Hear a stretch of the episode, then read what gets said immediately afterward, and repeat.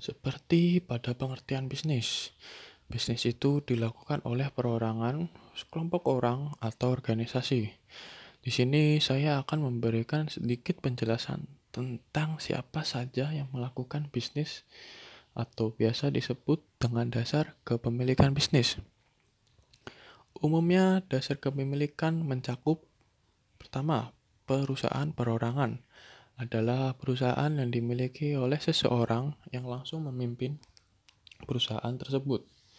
Persekutuan adalah mendapat bagian dari dan mengambil bagian serta memberi bagian secara bersama-sama dalam sesuatu atau dengan seseorang. Perseroan adalah bisnis yang dimiliki oleh beberapa orang dan diawasi oleh direktur.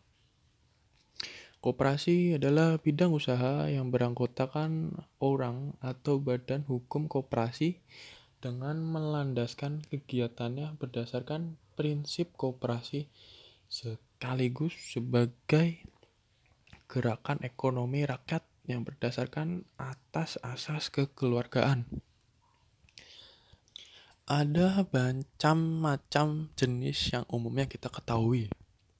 Macam-macam bisnis ini dapat dikelompokkan berdasarkan aktivitasnya, yaitu manufaktur adalah suatu proses pengolahan barang non-jasa yang bersifat fisik.